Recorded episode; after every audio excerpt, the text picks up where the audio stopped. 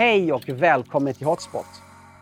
Idag ska vi samtala om det nya medielandskapet som tar form i och med att internet skapar nya förutsättningar. Både för vanligt folk att ta del av en uppsjö av informationskanaler, men också för nya röster kan höras.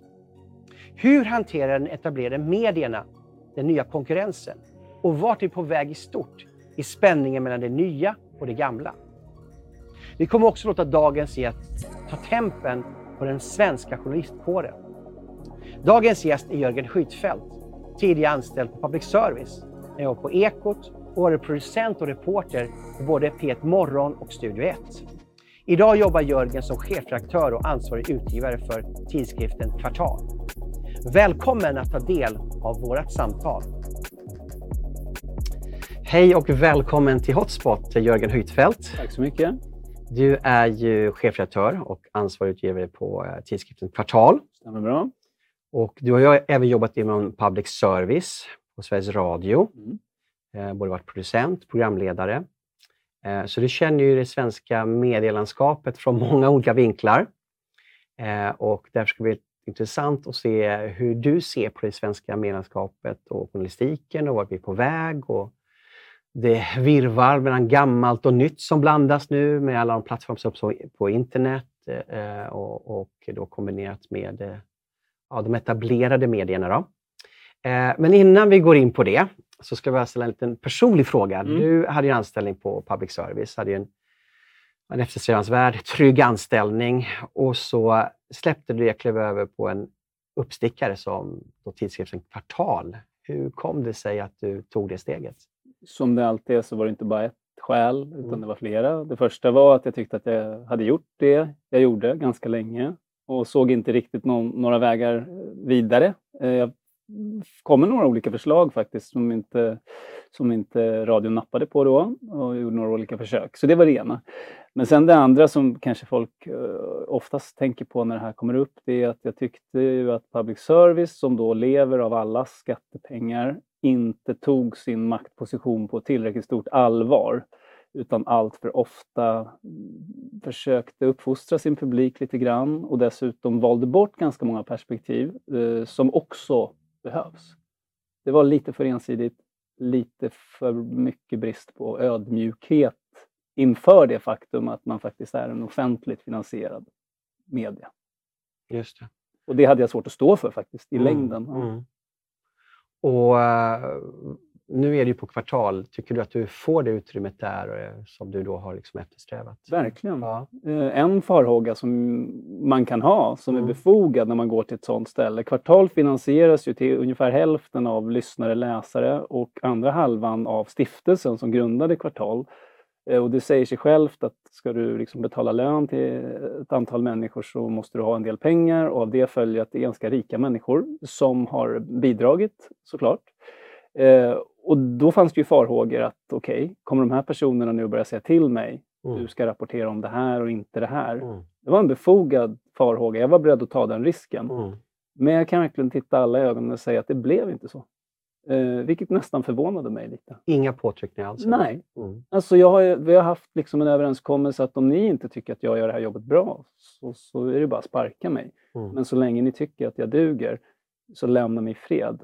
Och det har de gjort. Mm. Helt och hållet. Mycket mer skulle jag säga än, än, vad som är fallet på public service där det ändå ibland är lite subtila knuffar i olika mm. riktningar. Just det. Eh, vi som sagt tala nu om media-Sverige och medielandskapet, nya medielandskapet. Och det här är ju som en virvelvind av gammalt och nytt just nu som formas i detta nu hela tiden. Eh, men skulle, om vi ska tala om den etablerade medien eller mainstream media eller vad man nu vill kalla det, med då alltså de stora publicisthusen och eh, public service och så vidare. Eh, vilken kondition skulle du bedöma den svenska journalistiken är inom etablerad media? För media är så otroligt viktig för demokratin, mm. så vi kan fatta välövervägda beslut på valdagen och välja vilka som är våra representanter. Eh, men också granskningen av riksdag och regering, men inte minst också granskningen av statsförvaltningen, hur den förvaltas. Så en god journalistik är ju en förutsättning för ett välmående land. Mm. Eh, vad är din bedömning av journalistiken idag? Hur mår den i Sverige? Det är såklart en stor fråga, men mm. den är mm. rolig att svara på. Mm. Ett, journalistiken i Sverige har nog aldrig varit bättre än vad den är idag. Två, den är ändå inte bra nog. Tre, journalistiken har liksom fått mycket mer makt. Under den karriär jag har haft inom journalistiken som började ungefär 1995 så har journalistiken som kraft i samhället, eller som maktcentra, ökat sitt inflytande väldigt mycket. Och jag tycker ju inte att journalistiken ser det riktigt och tar ansvar för det. Eh, och granskas inte heller i paritet med den makt man har. Och när man granskas så är man närmast förnärmad mm. eh, om man blir granskad hårt. Jag tycker att journalistiken ska vara mycket mer ödmjuk inför publiken. Den ska granskas mycket hårdare och eh, den ska se den makt den har och också i större utsträckning ta ansvar för det. Mm. Ja, man talar ju om att vi är den tredje statsmakten, den första mm. är regeringen, det är riksdagen. Och den ska ju då kasta det granskande ögat då på de andra makterna. Men mm. själv blir ju sällan granskad och vart ska den granskas ifrån i sådana fall? Ja, andra journalister, ja. ja. Det finns ju, jag vet inte om du har lagt märke till Näringslivets medieinstitut som ju är faktiskt ändå har piffat upp sin mm. granskning av journalistik lite. Mm. Eh, den är lite mer ambitiös nu, men de får ingen spinn på sina grejer Nej. eftersom det är andra journalister som då ska ta upp det. Så det blir liksom, det är lite att ropa i öknen. Men, men är, det, blir det någon, är det någon sorts borgfred mellan mediehusen också? De kan gå med, mellan varandra, de ska sluta på Expressen och börja på Aftonbladet och, och, och kanske gå till public service. Att man vill inte kritisera de andra journalisterna för att de kan bli dina blivande kollegor, att det är liksom mänskliga mekanismer bakom det här. Det är att dra det för långt för att public service har ju emellanåt granskats ganska hårt. Uh, inte senast var det DN som granskade mm. Sveriges Radio uh, på ett föredömligt sätt. Men i grunden så finns ju en stark liksom, kollegialitet mellan journalister, skulle jag säga. Mm. Så att man kanske inte tar till de allra hårdaste hårdhandskarna, oftast inte. Mm. Du, du sa att journalistiken har aldrig varit bättre. Kan du beskriva vad är det som du tycker är bättre än någonsin idag? Medvet, alltså dels så att det finns medier som till exempel Kvartal mm. eller Världen idag eller vad du vill, andra medier som inte är mainstream-medier, det gör ju att man kan jämföra med någonting.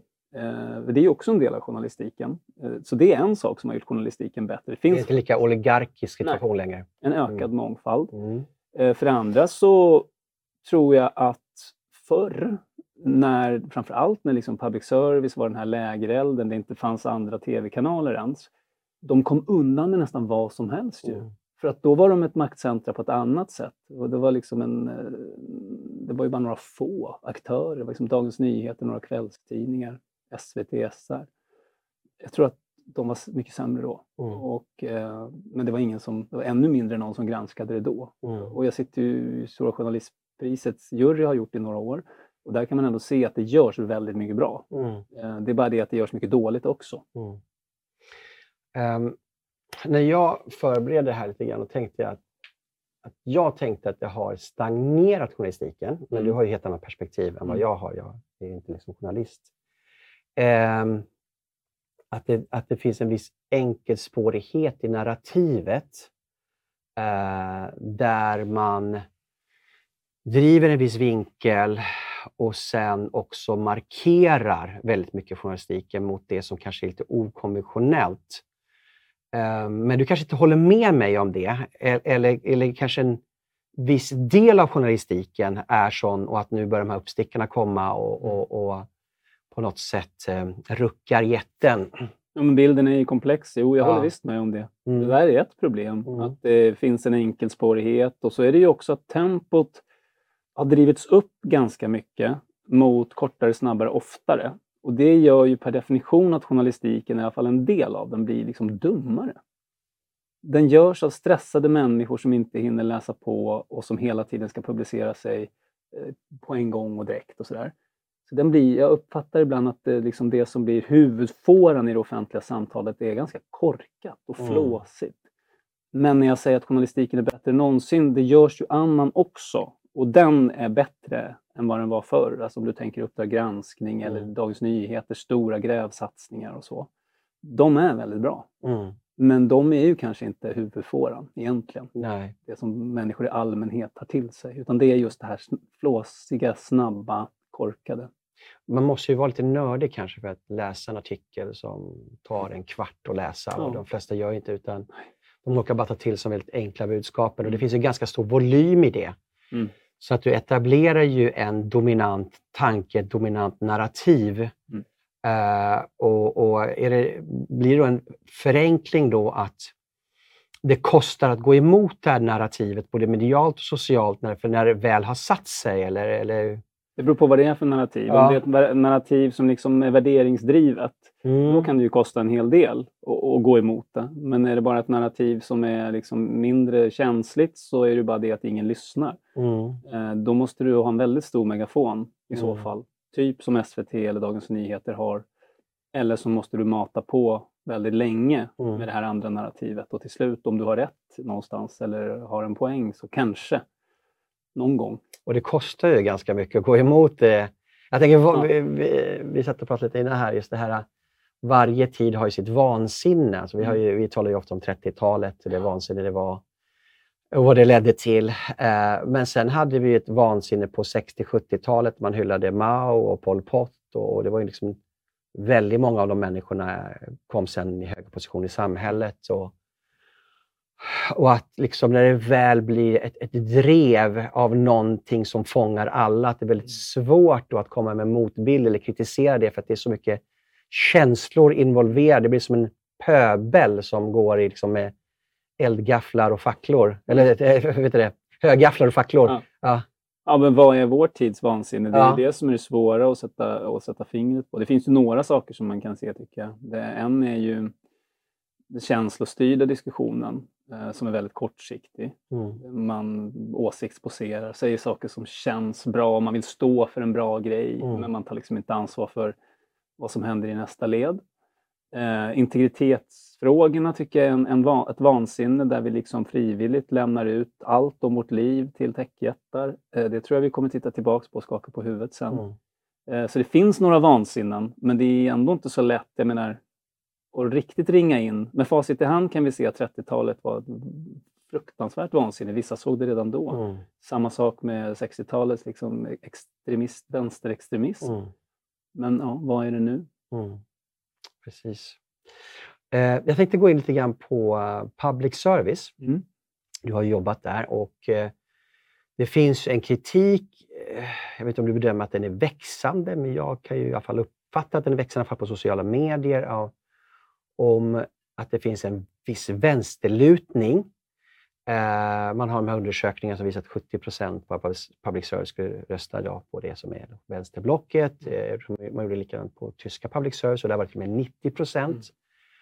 Ehm, är det en bild som du har av att ha jobbat där? Ehm, du menar att människor röstar så och tänker så, tycker Ja, så? att man har ett visst tänk, man ser genom de med glasögonen. Den där frågan är rätt svår Mm. för att jag tror man får skilja på några saker. För det första så ska ju journalistiken i en perfekt värld ska ju det vara ett hantverk. Det ska Mm. inte spela någon roll om du liksom tycker att NMR är bra eller, eller liksom, eh, kommunistiska partiet. Du ska ändå utföra hantverket. Mm. Så ser det inte ut naturligtvis, utan man styrs av sina värderingar någonstans, framförallt i valet av vinklar, valet av ämnen. Är det här något vi borde ta upp eller ska vi skippa det här? Är det här viktigare? Där spelar ju det in. Så där, ur, den, ur det perspektivet ska jag säga ja. Mm. Där finns det en lutning, men inte nödvändigtvis åt vänster utan mer åt, eh, vad ska vi kalla det, liksom det liberala, globala, gröna, åt det hållet Mm. finns det ju definitivt en lutning. Eh, Men det var som en... En storstadsliberal lutning då? Ja. Eller hur skulle du definiera det? Eller? Men woke kanske Ja, lite. woke ja. Eh, Mm. Så. Södermalm. ja, om man ska vara väldigt Ja. liksom, raljant. Mm. Jan Helin sa någon gång när jag intervjuade honom om det här att han menar att journalistiken till sitt väsen är det som kallas gall då, alltså du vet på den här galltandskalan, Mm. alltså grön alternativ liberal. Mm. Det har han nog en poäng i. Eh, För den uppstod ju ur, som en reaktion mot konservatism och sådär. Mm. Men det var ju länge sedan nu. Så att journalistiken kanske måste förnyas lite också så att den inte blir så förutsägbar och enkelspårig som den ibland kan vara. Mm. Eh, är det här, beror det här på utbildningen på journalisthögskolorna och folkskolorna eller är det en viss sorts människor som, söker sig till journalistyrket? Ja, båda också såklart. Ja. Och det blir ju kommunicerande kärl. Eh, Mm. ju- vi hade en kille i min, eh, i min journalisthögskoleklass som var lite annorlunda än oss andra. Han, han klädde sig alltid i kostym och slips på kungens födelsedag och han hade gått på internatskola och sådär. Det är klart att det blir lite jobbigt att vara den personen Mm. eh, i längden. Så det finns kanske någon i varje klass, max. Mm. Men det, det är inte den dominerande gruppen. Och vi är väldigt mycket eh, gruppvarelser. Vi vill ju passa Absolut. in sociala Ja. varelser. Man vill bli accepterad. Så det är alltid någon enstaka som sticker ut. Då. Mm. Ehm, men den här kritiken som är då mot public service, tar man till sig den? Eh, jag kan uppfatta att det finns en lite mer försiktighet idag hos public service. Mm. Att man, I alla fall på partiledarutfrågningarna så vet man försöker. Mm. Man, förs- man, man får känslan av att i bakhuvudet är de medvetna om att det finns en kritik mot dem. Jo, det här är ju människor av kött och blod som du och jag och jag känner ju många av dem är mina goda vänner. Mm. eh, som jobbar där. Jag vet ju att det pågår en diskussion, en diskussion i huset, men sen, eller husen. Mm. Men sen kan ju den se annorlunda ut när de är ute i offentligheten för då tycker jag fortfarande att de är för dåliga på att eh, liksom vara lite mer prövande och öppna Mm. och medge att det finns problem och diskutera de problemen. Eh, De är så rädda för att tappa ansiktet på något sätt och känner att de måste försvara någonting. Och ger, man hela, ger man någon lillfinger så kommer de att ta hela handen. Kanske de tänker. Mm. Men jag tror att de skulle vinna på att ha en mycket mer öppen och prövande diskussion också utåt. Det vill säga Mm. samma egentligen diskussion som jag vet att de har på redaktionerna och chefer emellan. Och så. Mm. Eh, Hur, hur ser det ut på eh, redaktionen när man väljer ämnen och vinklar?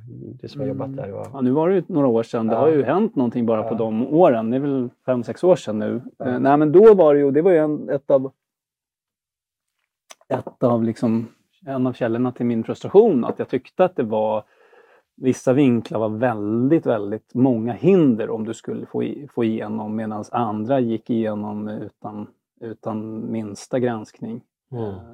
Och det jag tror inte det har förändrats jättemycket. Mm. Alltså, det du känner igen och tycker det här är ju såklart en bra grej, för det tycker alla andra. Mm. Eh, Det här handlar om hbtq-rättigheter Mm. eller eh, jämställdhet. Det är inte så jättesvårt att baxa in en sån idé, det Mm. var inte det då i alla fall. Medan om det är en idé som är lite mer konträr på något sätt mot vad alla tycker, i alla fall alla mina vänner som också är journalister, de är svårare. Mm. Och sådana diskussioner kunde jag hamna i ibland. Ja, just det. Och blir man kanske brännmärkt då i gruppen också? Eller lite sådär, mm, vad, vad är det du insinuerar här? Absolut. mm. Ja, ja. Oh, ja. Att, att man då, liksom, ja men han, han har ju en agenda men det har inte vi Ja, ungefär. just Medan min agenda mot slutet var ju mer så här, vad fan jag måste väga upp det här Ja, lite. ja. Det här är ju helt galet. Någon måste göra de andra vinklarna. Ja. Så då tvingas man ju kanske, kanske lite in i ett, ett hörn där man nästan till slut kanske om man fortsätter, det gjorde jag ju inte, men om man Mm. fortsätter blir man ju lika fel som dem fast Mm. tvärtom. Just det, precis.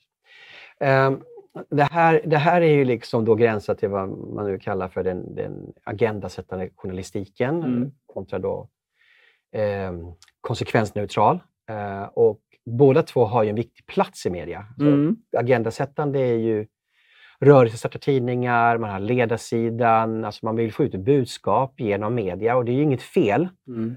Eh, Men som läsare och tittare förväntar man sig kanske framförallt då att nyhetsförmedlingen ska vara konsekvensneutral. Mm. Ehm, och där kanske det finns då en kritik att här tar man in den agendasättande journalistiken i nyhetsförmedlingen. Man tar en bild så att som du har en elefant va? och så, så tar en person som har ögonblindel och så tar de till benet hela tiden och säger att det här är en pelare. Mm. Och gör det varenda gång så tror man att det är en pelare, men skulle du ta till snabeln så är det en slang och tar den till heter det, svansen så är det en kvast. Liksom. Men får du hela bilden att förstå kanske att det här är en elefant. Att du Mm. får komplexiteten i situationen. Eh, uppfattar du som att den agendasättande journalistiken nallar in på nyhetsförmedlingen? Eh, Mm. För det första så, just det här begreppet agendasättande, när jag fick lära mig vad det betydde då för, vad är det nu då, 25 år sedan på Journalisthögskolan, då betydde inte det riktigt det som det har kommit att betyda i debatten, utan då Mm. menade, det var ett positivt begrepp, bara, mm. att vi ska sätta agendan. Vi ska ha så bra nyheter att ingen kan liksom låta bli att prata om dem.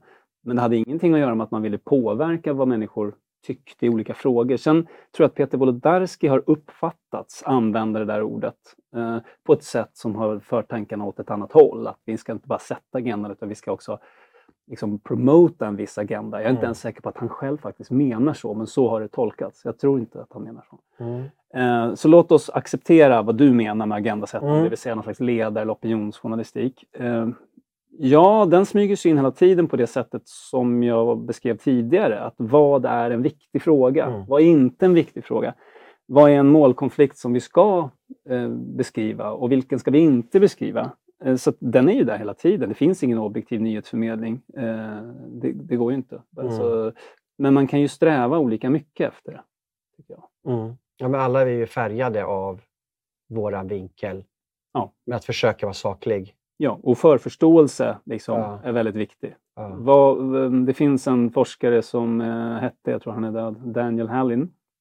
När jag fick den, eh, hans figur beskriven för mig så tyckte jag den var väldigt bra. Det är tre sfärer då. En i mitten och där är liksom det som man kan debattera. Man kan tycka olika och man blir inte galen förklarad för det. Sen finns det det som alla måste tycka samma om och tycker du något annat än det, då får du inte vara med. Eh, och sen finns det tvärtom, det som liksom man, man, eh, det är så galet att påstå att då blir du utdefinierad av det skälet. Alltså jorden är platt, då får Mm. du inte vara med i, Mm, i det mm. offentliga samtalet. Medan jorden är rund, alla är överens om det, det är liksom ingen, ingen fråga. Mm. Och sen har du höga skatter, låga skatter, stor Mm. invandring, liten invandring. Det är liksom i mitten. Men de där är ju inte konstanta. Nej. Utan ett tag kanske till och med eh, stor invandring befann sig i sfären. Ja, men det är vi ju i princip alla överens om. Mm. Eh, nu befinner det sig ju inte där. Nej. Nej. Och så vidare. Det där är en väldigt spännande figur att tänka på Mm. och också att den som sagt inte är konstant. Ja, just det. Eh, ja, men alltså innehållet i den där växlar ju hela tiden. Ja. Men frågan är, eh, växer den vad vi får och inte får tycka egentligen? Alltså det här, det här dominanta narrativet där det blir ett, ett pris att gå Mm. emot det dominanta narrativet, vare sig medialt eller socialt, också bland Mm. vänner. Jag, vet, jag har en känsla av att det minskar. Det minskar med diversifieringen då av Ja. kanaler, eller? Ja, och så uppstår det filterbubblor där liksom Mm. alla tycker samma i sin Mm. bubbla. Och så. Det är väl ett större hot kanske. Mm. Eh, möjligen. Att man inte kan mötas riktigt över de där gränserna. Mm. Och, men eh, ja, det här är ju komplext för att eh, mycket är ju bättre i och med att mångfalden har ökat. Jag är ju Mm. uppväxt i en tid när det fanns TV1 och TV2 eh, och så några morgontidningar Mm. eh, och någon kvällstidning kanske. Och det var allt som fanns. Mm. Och, och sa de att något var på ett visst sätt så eh, och jag visste att det inte var det. Mm. Så hade jag inga möjligheter att korrigera bilden. Hur skulle jag göra det? Det fanns Mm. inga sociala medier. De sa att det var så, alla trodde det. Mm. Eh, Och där är vi ju inte idag. Nej, verkligen inte. Verkligen inte. Ja, det är, ju- jag pratade med min svärfar häromdagen. Han sa det att tack vare Twitter bara till exempel. Alltså, vi hade ju aldrig kunnat få de här avslöjandena om inte bara all den, jag vet inte vad det kallas för, liksom medborgarjournalistiken Mm. där folk upptäcker saker, lägger ut och så visar att det är sant. Att det, liksom, det är en helt annan genomlysning. Mm. Så du är, du är i grunden väldigt positiv till utvecklingen, att det går åt ett, ett bättre håll. I de stora dragen Ja. så måste jag ändå säga det. I och med att det är mer demokratiskt och Mm. fler människor som har tillgång till en offentlighet. Men mångfalden gör också att det blir ett stort, liksom, en stor kakafoni Ja, där det är liksom svårt att urskilja Mm, något mm, till slut. Så mm. det är ett annat hot. Mm. Jag vill komma tillbaka till den där fördelar och nackdelar med diversifiering lite längre fram. Vi Mm. talar om de nya medierna också. Eh, men eh, tänker på också det här med, med, med ordval i, i media. Eh, vi präglas väldigt mycket av en socialkonservatistisk tid idag där man ibland hänger upp sig väldigt mycket på ord Mm. istället för vad är egentligen problemet och vem har lösningen på problemet? Låt mig ta ett exempel. Man har ju tjafsat mycket om det här ordet no-go-zoner zoner, Mm. eller utanförskapsområden. Det är klart, ordet no-go, liksom, den, den är mycket mer negativt. Liksom. Mm. Hit kommer vi inte komma in, liksom, nu överger vi det här, liksom, vi kommer aldrig kunna göra någonting åt det. Mm. Medan då säger man utanförskapsområde betyder att om vi gör åtgärder så kan det bli ett innanförskapsområde, så Mm. vi löst det här. Ehm, vad tänker du som medieperson kring betoningen kring ordvalen Mm. snarare än vad är verkligheten och vem har lösningarna snarare? Jag skrev en krönika i Dagens Nyheter Mm. och precis det där. Mm. Att jag blir ju galen varenda gång vi tappar liksom viktig tid att diskutera. Eh, till exempel det, det exemplet jag valde där var ju när Ygeman, Anders Ygeman pratade om att det är, som svar på en fråga faktiskt, Mm, att det nog inte är bra för ett område om det är liksom en majoritet som inte pratar svenska i det området. Mm. Eller han använder väl ordet etniskt då. Mm. Var det utom nordiska? Ja, just det. Mm. Och det kan man väl liksom ha synpunkter på men det är inte huvudfrågan. Nej. Det, huvudfrågan är ju hur löser vi detta? Mm. Hur skapar vi ett sammanhållet samhälle där alla får eh, hyfsat samma chans från Mm. början? Och det är ju det som är frågan. Inte vilket ord han väljer att välja. Och det där har vi, det är så många gånger det där händer. Eh, så det blir ju Jag, jag tänker på, på den saken, då drog ju liksom högern iväg där och Ja. sa okej, vi ska ha folkomflyttningar nu. Och, Bara för så- att det var en vänsterpolitiker. Ja. Eh, exakt, Mm. att man, man, man gör samma misstag från båda hållen. Ja. Va?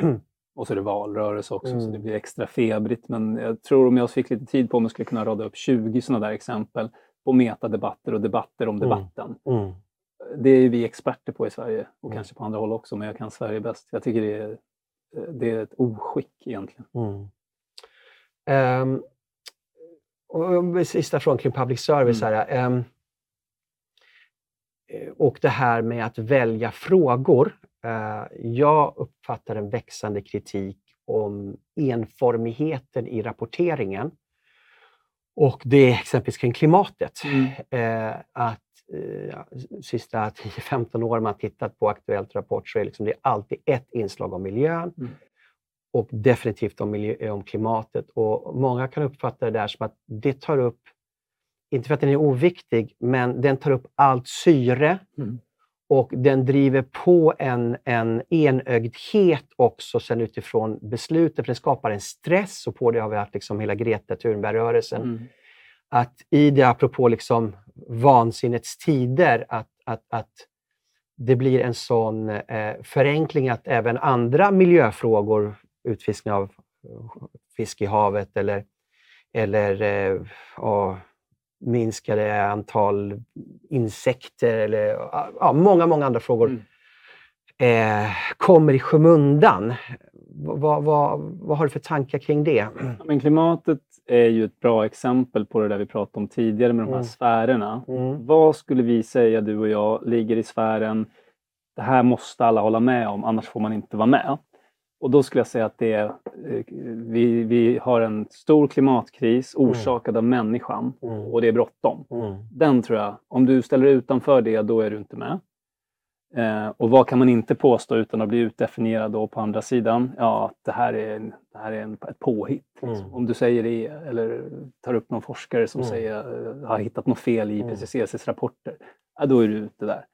Så vad kan vi debattera? Vad är huvudkonflikten? Mm. Och det är väldigt intressant tycker jag. Jag håller med dig om att man matar liksom på med det där utan att riktigt ta det vidare. Man skapar dåligt samvete och rädsla hos människor. Jag tycker kanske att den legitima konflikten är, okej, lösningarna. Är det Mm. teknik, optimism eh, som ska styra? Att det Mm. här kommer vi fixa genom att vara smartare än vad vi var för tio år sedan? Eller är det, vi måste avstå från massa saker. Vi Mm. måste eh, cykla istället för att köra bil eller sluta flyga. Mm. Liksom, där har du kanske en legitim konflikt som är intressant. Mm. Men sen är det ju ett problem med klimatet också att det är ett otroligt komplex vetenskap. Eh, De allra flesta av dem som tutar ut de här narrativen, de vet ju inte själva. De har inte läst de här rapporterna. De har inte satt sig in i vetenskapen. Det tar ju säkert, om du ska ha en någorlunda bild av, egen bild, det tar ju säkert för en begåvad läskunnig person säkert ett halvår liksom, Mm. på heltid. Och läsa de här rapporterna och försöka hitta luckor och läsa lite kritiker till rapporterna. Då, då kanske du har en bas att stå på. Men vad jag vet om, om journalister, de, det är ytterst få, om ens någon, som tar sig den tiden. Så man Men- förenklar, man tar någonting som är ganska komplext, Mhm. kan vara väldigt allvarligt, Mhm. förenklar det på ett sådant sätt att nyanserna sen inte får plats längre i samhällsdebatten. Ja, det är en sak. Men Ja. sen väljer man också, den där personen verkar trovärdig. Ja, just Vad, allt han säger tror jag på. mm. Eh, jag behöver inte kolla själv, för han säger att det är så här och då rapporterar jag det vidare. Det är ju också en, en, så att säga, ett sätt att vinna tid för eh, stressade journalister. Mm. Eh, Medan den här eh, konträra personen, han verkar skum och det är många som tycker han är dum. Honom lyssnar jag inte på och jag är inte ens intresserad av att kolla om han kan ha en poäng. Mm. Det tycker jag präglar klimatrapporteringen på något sätt. Det är mer intressant att diskutera vad vi gör åt det här Mm. än att skapa dåligt samvete hos människor som försöker leva sina liv. Jag tänker, ser man tillbaka i historien så har de- stora tänkarna alltid varit kontroversiella i sin tid. Och de små också, de dumma Ja. också. Så Ja. Alla som är kontroversiella är inte bra. Nej, men, Men, så är det. Så är det. Mm, precis. Eh, apropå kontroversiell. Eh, jag tänker på en person som Joakim Lamotte. Mm. Eh, han jobbade ju på public service, på Uppdrag granskning Mm. tidigare. Och debatt, va? Eller Eh, och Opinion debatt. Live, eller Ja, mm, precis. Sen gick han Rogue, som man Mm, säger, mm. på amerikanska filmer. Mm. Eh, och Ehm, började ha sin egen journalistik. Eh, gick med en iPhone och speglade eh, olika platser där det har varit oroligt. Alltså han åkte ut rakt ut i förorten där det har varit upplopp eller rån eller vad det var för någonting. Intervjuade människor vad de tyckte om det här. Eh, det känns som hela journalistkåren tog bort sina händer från Joakim Lamotte. Han blev hotad. Eh, fick, blev slagen tror jag någon gång, framförallt blev hotad väldigt många gånger. Eh, hade väldigt mycket tittare. Jag tror det var ganska intressant journalistik på ett sätt, för den var så, Mm. liksom så rå. Och, ehm, men, och nu har han ju då slutat på grund av alla hot och polisen säger att han får skylla sig själv. Eh, jag tycker det är en lite märklig historia kring Joakim Lamotte och hur journalisterna har agerat. Man vanligtvis alltid skyddar sitt Mm. skrå Ja och tala om hur många journalister som är hotade, som är tystade i, i Ryssland eller ut, liksom kan bli skjutna när de är i krigszoner. Eh, men när vi har en journalist i vårt eget land som går ut i oroshärdar och kanske inte, då apropå agendajournalistik, inte riktigt kan spegla som man själv vill spegla. Vad, vad, vad, vad tänker du om fallet Joakim Lamotte och hur journalistvärlden har hanterat det här? Ja, jag tänker massa olika saker. Mm. Dels kan man se honom som liksom en febertermometer. Mm. Eh, man kan ha synpunkter på hur han berättar saker, tonläge och så vidare. Men han har ju haft en, en näsa för vad är smärtpunkten. Mm. Och de här utanförskapsområdena där folk skjuter varandra för en skitsak och så, det är en smärtpunkt. Inget snack om det. Sen, eh, journalistkåren brukar liksom hålla varandra om ryggen. Ja, men han har liksom mält ut sig från den och då är man ju nästan, det finns ju ingen som är värre än Judas. Liksom. Mm. Man är ju värre än, än alla. Eh, så där hade han ju inget eh, ett skydd att hämta. Eh, sen är det också, kommer du ihåg när han var i Trollhättan? Då skrev han ju ett slags avskedsbrev, eller ett möjligt avskedsbrev. Och eh, alla de här journalisterna som hånade det där Mm. tyckte jag var så otroligt talande. De skrev ju liksom liknande då, nu går jag ner i tvättstugan och Ja, om jag inte det, kommer ja. tillbaks Mm, igen mm, så är jag älskar dig. Alltså, Mm. det var, jag var tvungen att nypa mig i armen, liksom, Mm. för det var ju för alla som såg filmen sen kunde ju se att det var ju ett verkligt hot. Han var ju verkligen, han var ju fan illa ute. Eh, så att jag tyckte det var konstigt. Eh, och lite sorgligt att det inte fanns plats för en sån person ändå. Mm. Att han hade ju något att säga. Man kan ha synpunkter på hur han sa det, men Mm. eh, han var på någonting. Och det är kanske återigen ordval eller då för hans del tonläge, att han var liksom väldigt uppstressad och hade mycket känslor när han talade in i micken och sådär. Mm. Och, och, och det kanske vi inte riktigt gillar i Sverige, utan vi ska liksom vara ganska sansade då och eh, Han var ju en, vara han, seriös. en aktivist på sätt och vis. Ja, det var. Och- Och det gör att man då tänker att honom kan man liksom inte tro på, men Mm. även aktivister kan ju ha rätt. Mm. Eh, och, och framförallt ha intressanta saker att berätta, Mm. oavsett om de har rätt eller inte. Ehm, hur ser du relationen mellan politiska partier och journalister? Eh, en del journalister går ju in och blir pressekreterare Mhm. i partierna och sen går en del tillbaks in i journalistvärlden och så vidare. Mer sällan. Mer sällan? Ja. Okej. Eh, hur ser du journal- Finns det liksom kommunicerande kärl däremellan, mellan partier och journalister? Nu är ju en del tidningar också bundna Mm. till politiska partier. Mm. Men det är ganska intressant att se hur, hur, hur du ser på det här. Mycket egentligen lite propaganda Mm. från, från eh, journalisterna och, och eh, påverkan från partierna. Och även tvärtom kanske. Mm. Ja, men där tror jag de tidningar som har olika politiska labels, Mm. Aftonbladet till exempel, där tänker jag ändå att det är ledarredaktionen och kultursidan som är politisk eller vänster medan resten av redaktionen funkar väl som redaktioner Mm. gör i allmänhet. Mm. Eh, Så jag tror inte det finns någon sån koppling att Aftonbladet rapporterar väldigt mycket mer vänster på nyhetsplats än vad Expressen gör. Mm. Så det är det ena. Eh, Men när det gäller liksom den här symbiosen som finns, ja men man behöver ju varandra Mm. på något sätt. Eh, Politik har ju blivit ett, ett, ett, en underhållningsgenre av andra nu mera också, som man ibland kan jämföra nästan med hur man rapporterar om sport. Mm. Jag vet inte om det är bra eller, eller dåligt, men det är så. Mm. Och partierna behöver medierna för att liksom hålla den här storyn igång och, och liksom, eh, få lite berömdhet. Eh, för att ta en sån som Hanif Bali till Mm. exempel. Eh, Medan eh, medierna behöver partierna för att skapa innehåll. Mm. Så, att det finns kungahuset ju- då och media. Ja, men lite. Det Ja. finns ju en symbios Mm. där eh, emellan. Mm. Men de är ju helt otrogna mot varandra. Alltså journalisterna, får de minsta chans, liksom, hittar de någonting så är det inte så att de lägger fingrarna emellan eh, att avslöja en skandal kring en politiker som de kanske har haft stor nytta av tidigare, som har skapat jättemycket spännande innehåll åt dem. Mm. Så det tror jag inte. Ja. Eh, Men det är klart, de politiska journalisterna som umgås med politikerna, alltså de träffar dem på olika partikongresser och det är klart att man slänger käft lite och man börjar Mm. känna igen varandra, man kanske vet hur många barn den har. Mm. Det är klart det, där uppstår en relation Mm. som kan korrumpera lite grann, tror jag. Mm. Men det är ju heller ingen tillfällighet att det är inte de här eh, inrikespolitiska journalisterna, det är ju sällan de som har de stora avslöjandena om Nej. kvitton och Mm. älskarinnor eller vad det nu kan vara. Mm. Utan det är ju oftast andra journalister på redaktionen. Mm.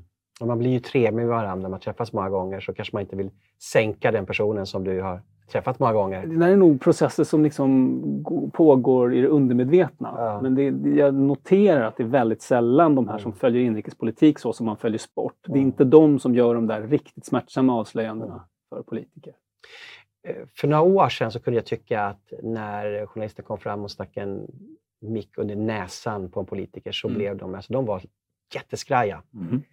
Eh, har politikerna tuffat till sig lite grann nu och liksom inte lika rädda att stå för saker och ting? För de var ju... Tryckte, tryckte man på dem så blev de... Ja, då backade de. Va? Mm. Och det fick konsekvenser i partiets politik kanske också. med. Mm, jag tycker det är väldigt, väldigt personstyrt. Jag menar Carl Bildt, det är ganska många år sedan han Mm. gjorde sin entré som, som liksom moderatledare. Han har ju aldrig varit rädd för en mikrofon. Eh, Medan en del är det fortfarande. Mm. Och så beror det på situationen. Det, alla liksom är räddast för är ju att Uppdrag granskning som dyker upp och du är oförberedd och de Mm. jagar dig och du vill Mm. bara bort och det blir Mm. jättejobbiga bilder när du liksom försöker stänga dörren och de sätter foten emellan. Så det beror på situationen. Mm. Men däremot tror jag politiker i allmänhet är ju mera mediatränade. Alltså alla i Sverige, i världen, Mm. har ju blivit mer medialiserade. Eh, Är det bra eller är det dåligt? Både och. Mm. Återigen, liksom, man har blivit bra på att paketera ett budskap och liksom, man har koll på sina talepunkter. Man är även bättre på att kommunicera, men det är liksom mer tillrättalagt. Eh, Så det finns fördelar och nackdelar. Mm. Okej, jag tänkte vi går in på nu eh, nya medier. Mm. Och eh, det uppstår ju hela tiden nya plattformar. Eh, kvartal är ju ett, ett uttryck för det. Ni har ju bara, det finns ju bara på nätet, det finns inte som papperstidning. Ehm, vi har mm, privata initiativ som gör content ehm, och så. Ehm, jag skulle hur skulle du beskriva topografin i medielandskap? Vilka kluster finns? Om, om, du skulle, om, om vi håller oss nu till åsiktsbildning, Mm. eh, nyhetsförmedling, alltså Mm. sätt, samhällsfrågor, inte underhållning. Det finns ju en Mm. kombination där mellan infotainment också idag förstås, Mm. som jag tycker är jätteintressant. Det är väldigt många poddar är ju infotainment egentligen. Mhm. Eh, hur, hur skulle du beskriva de här olika eh, delarna på kartan idag? Vi har liksom mainstream media, liksom. Mm. det är en del och så, jag skulle inte säga kvartal, utan någonting annat. Kvartal Access, Ja. Bulletin, allt vad det Ja. heter, ETC.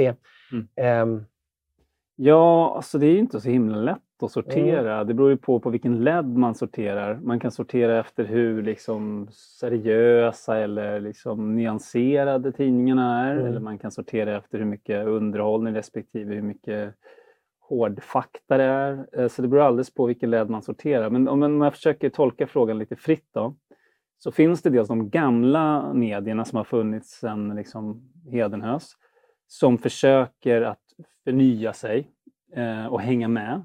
Så uppstår det hela tiden de här mer organiskt, nya uttrycksformer. Poddarna eh, kom ju för en, några år sedan, eller ganska många år sedan nu, men, men det har ju formligen exploderat. Liksom. Mm. Och vad gör då en aktör som Sveriges Radio som, som lever på att göra ljud? Jo, de blir plötsligt den största poddleverantören i Sverige i princip. Eh, de kan inte nöja sig då med att fortsätta göra sin grej utan då måste de liksom hänga med sin tid. Så det är liksom på något sätt en växeldragning. Eh, de nya medierna hittar på nya grejer och de gamla försöker liksom springa efter och göra det mm. lite bättre och de har ju som regel mycket mer resurser. Vilket leder till att eh, de kanske ibland äter upp de nya eller, eller lite grann kväver den här härliga elden som precis håller på att ta mm. sig. Konkurrera ut dem ja. Ja men ja. lite är det ju så. Ja. Eh, du kan ju ta som ett väldigt illustrativt exempel. Det fanns någon, någon podd, nu kommer jag inte exakt ihåg vad den hette, men det, i alla fall så hade de något sommarformat. Det här läste du säkert om och då fick de ett, ett hotfullt brev av Sveriges Radio att det var alldeles för likt eh, Sommar och Sveriges Radio menade att de i princip hade patent på mm. namn som heter Sommar eller mm. något med Sommar. Alltså, kom igen. Mm. Någon som har liksom flera miljarder och så den här mm. stackars lilla podden, de bara ja förlåt. Mm. Och de vek sig direkt. Liksom. Det är som en bild av, ja. av det där. Men, men känner sig de här stora, om man ska kalla dem drakarna, mm känner sig ganska trygga ändå? Att de har en affärsmodell av, de har duktiga journalister, de har pengarna, de har bredden. Eh, och att de kanske då behöver göra en viss metamorfos bara för att anpassa sig efter tiden, men i grund och botten känna sig väldigt trygga. Eller finns det en riktig existentiell nervositet att kommer vi finnas kvar om 10-20 år? Det beror lite på vilken uh, tidning man pratar om. Mm. Uh, jag tror att de allra flesta känner sig inte så trygga utan mm. att man känner liksom att uh, jordskorpan eller kontinentalplattorna liksom skaver mot varandra och det liksom kan bli en jordbävning. Det är, de flesta utvecklingar sker ju liksom gradvis, gradvis, gradvis och sen plötsligt så händer någonting mm. större. Eh, ta papperstidning till exempel. Jag är helt övertygad om att det kommer inte finnas papperstidningar någon gång. Mm. Jag trodde att den tiden redan skulle vara här, men det är den uppenbarligen inte. Plötsligt en dag så kommer det bara inte finnas. Mm. Eh, affären kommer inte gå ihop. Eh, jag tror att det finns ju en tendens som är att winner takes all. Eh, där DN ju på tidningssidan känns som att de kan bli den. Eh, för om du tittar på de andra, hur många går med jättemycket vinst och hur många lever på pressstöd. Och, mm. Så att det är ju alla utom DN tror jag, och kanske Expressen, är nog nervösa på olika sätt. Och public service tror jag är oroliga på ett mer existentiellt plan. Mm. Att, att politiken rör sig så fort politiskt. Mm att plötsligt kanske det finns en majoritet som tycker att ni ska vara jättesmå. Mm. Eller ni ska göra något helt annat och på ett helt annat sätt. Och där finns, om vi går tillbaka till den här frågan till höger-vänster-skalan, att i det borgerliga blocket så finns en växande kritik. Mm. Eh, så att, eh, den har nog alltid funnits i och för sig, men nu så känner de kanske att de har lite mer vind i seglen, att det är lite mer människor eh, som tycker så. Och dessutom kanske även de som tyckte så förr hade ingenstans att säga det Nej. riktigt. Nu finns de sociala medierna där det, där det framstår i alla fall mm. som att kritiken mot public service är ganska stor. Det är svårt att veta hur många de är eh, egentligen. Och, men ja, känslan är ju att kritiken växer. Och Det är ganska intressant om man ser Facebook, framförallt Twitter, som kanske mm. är sociala mediens finrum. Mm. Där sker mycket av intellektuella debatter. Ja, både fin och fulrum skulle jag säga. Ja, min och fulrum, ja. precis.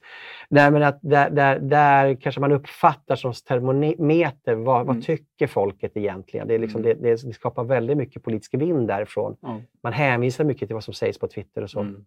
Uh, men där har vi ytterligare då en åsiktsbildning i det här landskapet, mm. eller hur? Ja, det är någon slags eliternas... Alltså för det är klart att vanligt folk så att säga, med väldigt få följare också är på Twitter, men de ja. kan ju inte påverka diskussionen. Nej. Utan det är ju olika olika företrädare för olika eliter skulle jag Mm, säga, i mm. samhället som eh, utbyter åsikter där. Men jag tänker det finns också rörelser, säger på, inte minst på Facebook, Mm. eh, där alltså bensinupproret, eh, du har hela BLM-rörelsen, metoo, allting. De här uppstår, jag är här eller mitt kors eller Mm. hela fältet politiskt. Det uppstår väldigt starka krafter som en stor liksom, armé som ställer sig bakom Mm. någonting, något som varit någonting uppdämt. Mm. Det här är ju en helt ny kraft att påverka. Det kanske DN Debatt gjorde för Mm. 40 år sedan. Mm. Den kraften kan man liksom ha idag på, på Facebook. Ja, absolut. Ja, DN Debatt är ett roligt exempel. Mm. Det var ju en sån enorm maktfaktor för Mm. Ja, ungefär när jag började på Journalisthögskolan, 90-talet där, mitten 90-talet. Nu är ju, visst det är en debattsida och den är väl bra, men den är en debattsida bland andra Mm, på något mm. sätt. Det är inte så att det hänvisas till den i tid och otid. Mm. Mm, ja, det är stora, stora och svåra frågor och jag liksom eh, är väl möjligen bara lite bättre eh, än vem som helst på att gissa vad som ska hända, Mm. hända sen. Mm. Men jag, en, en, eh, en lågoddsare är väl ändå att den här liksom ska vi säga segmentiseringen, fragmentiseringen kommer öka och Mm. liksom, eh, det, man har ju mycket lättare att hitta sin lilla crowd Mm. där jag trivs. Mm. Kvartal är en, eh, har ett sätt att berätta Mm. och en sorts publik medan Expressen och Aftonbladet har en annan. Och än så länge så är det ju så här, men det är möjligt att på sikt liksom att alla de här nischerna kommer bli mindre och fler. Tror jag tror att vi kommer se en liksom tribalisering då? Att, att när det är sånt otroligt utbud så man orkar inte vara överallt och se Ja. att även liksom bland nyhetsnördarna och människor som är helt kunskapshungriga att man plockar ut några och, så, och, och där, man, där är min stam. Liksom. Kanske, fast det finns ju det här suget ändå att man Mm. vill få sina idéer utmanade. Och så att, Det blir väldigt tråkigt också då att leva i, en ekokammare. Jättetråkigt. Mm. Och vi, det är ju det vi försöker skapa Mm. efter bästa förmåga. Något som inte är en ekokammare utan Mm. där man ska få sina invanda föreställningar lite utmanande och gärna med ordentligt med saklig argumentation under Mm. och sådär. Och uppenbarligen tilltalar det en viss grupp i alla fall som Mm. inte är jätteliten. Mm. Vi har försökt här på Hotspot att föra ihop människor med väldigt olika åsikter, eh, men sagt att vi vill ha ett civiliserat samtal. För jag tror att många är ganska trötta på det här skrik-tv. Liksom. Man står och bara skriker på varandra och Mm. man svarar inte på varandras frågor. Och, och liksom, ja, tja- tjafs-tv helt enkelt. Mm. Det är som liksom, föräldrarna bråkar hemma. Liksom. Hur kul är det för barnen att titta på det? Nej, fast det funkade länge. ju. Ja. Men eh, jag har nog också den känslan att Mm. eh, till exempel ett sånt program som SVT Debatt, som det Mm. hette, ja, det har ju hetat olika saker, Mm. men att även de liksom försöker dra sig åt det hållet. Mm. Lite mindre liksom skrik och gap Mm. med göteborgsdialekt Ja, och, och lite mer resonerande med göteborgsdialekt. och kanske inte bara göteborgsdialekt heller. Eh, vad definierar du? Sen talar vi ju om alternativ media. Mhm. Eh, vad, vad skulle du definiera som alternativ media? Vad, vad är det för någonting? egentligen? Ja, det är ju en jättekonstig Ja. term eftersom den också är lite så här nedlåtande. Ja. Ingen vill vara alternativ media Nej. nästan. Eh, rent semantiskt så är väl alternativ media det som är ett alternativ till de gamla Allt vanliga. nytt som har uppstått nu eller? Ja men typ. Mm. Alltså, I min bok så är det liksom de här Svenska Dagbladet, Dagens Nyheter, Mm. Göteborgs-Posten, alla de här stora lokaltidningarna, eh, Sveriges Radio, Sveriges Television, TV4. Det är inte alternativ media. Men de här lite mindre. Men ta ETC till exempel, den har ju funnits jättelänge. Mm. Är det alternativ media? Mm. Ja, på många sätt är det väl det. Den är väl inte det, inte det bara för att den har funnits länge. Så det är kanske ett begrepp som håller på att tappa sin relevans helt. Mm. faktiskt. Borde tappa. Det är ett ord för en gammal tid egentligen. Ja, det finns stora medier, det finns små medier, Mm. det finns eh, breda och smala. Eh, Det är väl så. Nya och gamla. Mm. Just det. Sen har vi etableringskritisk media också. Mm. Mycket mm, kanske invandringskritiska. Eh, Hur, hur, hur ser du på det uppstående här, den här medien som uppstår? Egentligen så är det, jag menar, det finns kristna tidningar, det Mm. finns muslimska tidningar, det finns alla möjliga åsiktsriktningar, ja. Så, och så finns det nazistiska tidningar Mm. till och med. Eh, liksom, kanske det, de är bara en, en gren på det här stora trädet. Mm. Liksom, Just det. egentligen. Eh, Men i, i en nation då när det uppstår den här eh, otroliga bruset av olika röster. Mm. Eh, det kan ju också bli så här att vi har ingen gemensam berättelse längre som, som nation. När vi hade TV1, Mm. TV2, Mm. Stadsradio, sen hade vi några tidningar. Mm. Så på något sätt höll det här samman oss också som folk. Man kunde liksom ha Mm. olika åsikter politiskt. Man kunde allt från vara VPK till moderater. Så här. Men man hade någonting gemensamt ändå. Va? Alla hade tittat på Magnus och Brasse. Ja, precis. Eller, typ, Ja. eller Hyland då kanske, Ja. om vi ska gå tillbaka. Och, och, och in, inte bara i Sverige, man tittar ju mycket på eh, utländsk media också. Eh, De flesta är ju väldigt duktiga på engelska idag i Mhm. Sverige, så man tittar på mycket vad som kommer från USA. Mm. Men det var samma amerikanska program alla hade sett. Familjen Ja. McCahan Ja, när jag var precis. liten och Ja. Dallas när jag Ja. var lite äldre. Men jag också de eh, amerikanska tv-kanalerna. Du har ju både CNN Mhm. på nätet, du har Fox News, Mm. ja, allt vad de heter för någonting. Vad kommer det här leda till? Leder Mm. det här till att en del känner att det här blir en, det blir en splittring i samhället och man vill tajta till det? Eh, Mm. och, och man vill liksom mer jobba, som jag kanske då sa i början, att man börjar markera mot det okonventionella för att man känner att vi behöver hålla samman vårt samhälle. Det finns vissa Mm. berättelser som vi, vi ska gå igenom och andra vill vi fördöma mer. Ja, Eh, vilka är vi i den där? och vilka är vi i det här? då? Ja. För att det är en ofrånkomlig följd av det där du beskriver, som Mm. jag helt håller med om, det är ju att det finns ingen riktigt gemensam berättelse på det sättet. Det finns inte lika många gemensamma referenser. Alltså när jag var liten, då hade ju alla kollat på Halv sex-programmen. Mm. Om det nu var Magnus och Brasse eller om det var eh, Drutten och Gena och allt vad det hette. Liksom. Alla hade sett samma sak. Alla såg samma lördagsunderhållning, för det fanns bara en. Mm. Eh, och det hade ju vissa, väldigt många nackdelar skulle jag säga. Eh, men det hade också vissa fördelar. Mm. Alltså, man, det skapade en viss gemenskap. Mm. Det där. Och den kan vi inte också ha nu. Nej. När alla tittar på olika saker och det. inte riktigt kan prata om dem. Jag tänker lite på Maslows behovstrappa. Mm. Alltså, längst ner har du då de fysiska behoven, sen har du trygghet och så går du upp liksom längst upp till självförverkligande. Mm. Om det blir en väldig splittring i samhället, eh, väldig tribalisering och spänningar, Mhm. Så kommer man vilja halka ner från självförverkligandet till kanske tryggheten. Att Mm. det här skapar ett mer auktoritärt samhälle också, där man vill som, samla ihop människorna Mm. och det kanske kommer också påverka yttrandefriheten och med det mediala Mm. för att hålla ihop en nation eller hålla ihop EU. Eh, vad, vad tänker du kring frågan kring yttrandefrihet exempelvis och Mm. Yttrandefrihetens begränsningar och deplattformering och sådana här saker? Mm. Ja. Alltså det där du säger är väldigt intressant, Ja. för det, det är nog så. Mm. Att vi är liksom är en ganska hö, högt upp på den där behovstrappan Mm. just nu. Mm. Men det är ju inte givet. Jag menar, kolla Ukraina, hur snabbt de ramlade ner till helt, Mm. till helt andra trappsteg. Mm. Och det, vi kan ju också ramla ner några steg. Eh, och då kommer vi kanske behöva känna så, eller många kommer känna så, att vi behöver föra samman det här och hålla ihop nu och bort med de som skadar eller stör eller, eller hotar det här. Så det kan absolut hända. Mm. Eh, sen hur, vilka uttryck det tar sig, ja. Yttrandefrihet är väl en, en sån sak som, som då hänger löst. Liksom. Absolut. Ser du att det gör det idag, yttrandefriheten? Ja, men mer på det sättet som du beskrev, att man deplattformerar människor. Mm. De är ju fria att yttra sig, men de har ingen riktig megafon. Det är ingen som vill låna ut en megafon åt Mm. dem för att de är inte med. De tycker för konstiga saker. De har inget att tillföra och, och ibland stämmer det. Men historiskt om vi tittar så har det verkligen inte stämt ibland. Mm. Vissa borde ju verkligen ha fått vara med Mm. och påverka. Men ja. Eh, vi kan ju se liksom, jag som Joe Rogan här blivit världens protest på Spotify och Mm.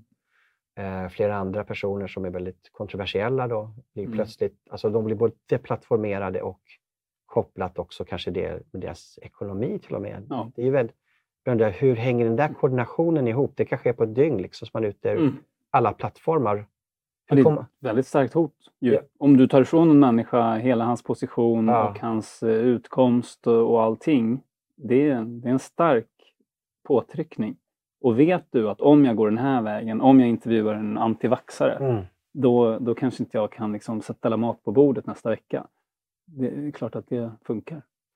Hur, hur stark är den här uh, guilt by association bland journalisterna idag? Den var ju väldigt stark tidigare. Mm. Eh, Jag har svårt att bedöma om det har blivit Jag tror att det har blivit lite bättre kanske. Men det var ju väldigt ofta människor, potentiella liksom medverkande som bollades upp på möten. Så här, men då kanske vi kan göra en debatt mellan X och Y. Mm. Nej, X kan vi inte ha för att X känner Y, Z som är med i det där partiet. Mm. Eller, alltså, det var mycket sånt. Mm. Man liksom definierade ut människor. Ofta när man skrapade på det kanske inte på jättegoda grunder. Mm. Um, jag har en fråga här kring eh, om Ukraina-kriget Mm. förändrar journalistiken lite grann. Um, på sociala medier har vi haft då poddar, väldigt mycket e- åsiktsproduktion, eh, infotainment.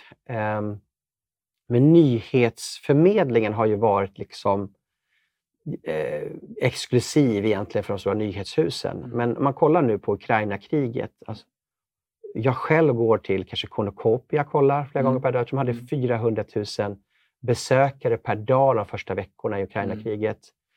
Du har många som lägger ut saker på Twitter. Mm. Man kan ju inte alltid bedöma kvaliteten på det. Nej.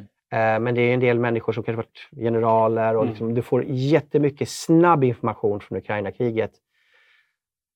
Um, Medan då SVT måste då kolla om det verkligen stämmer. Så att Mm. om de kommer nyheter kanske två, tre dagar efteråt. Mm. Men för mig som konsument då, Mm. jag blir ju... Jag är mer intresserad av vad händer just nu. Mm. Eh, börjar även sociala medier ta över liksom nyhetsförmedling? De har liksom tagit alla områden nästan egentligen som, som någon gammal media har. Ja, men det är ju, du, du beskriver det ju själv. Du är ju mycket mer intresserad av det här än genomsnittet tolkar jag det som. Mm. Medan den stora massan, de nöjer sig med att få två, tre dagar gamla nyheter, Ja, tror jag. Mm. Som någon general redan har skrivit på Twitter för två Mm. dagar sedan, som du har sett.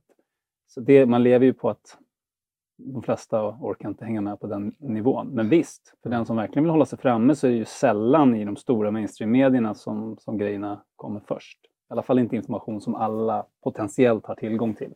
Och då blir mainstream-median blir ju inte ledande längre utan Nej. de går till andra källor. De andra källorna Ja. blir egentligen de ledande. Ja, de blir mer sammanställare av information som inte är allmänt känd. Ja, För det är bara nördarna som har sett den, typ. Just det. Mm, mm.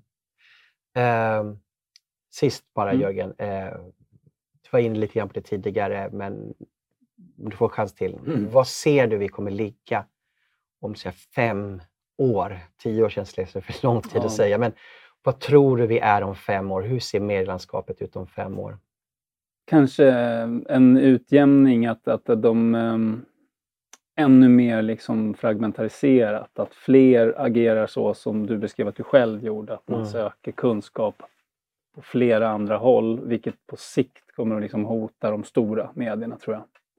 Ändå, eller hota, de kommer bli mindre helt enkelt. Mm. Och de små kommer bli fler och några av dem lite större. Mm.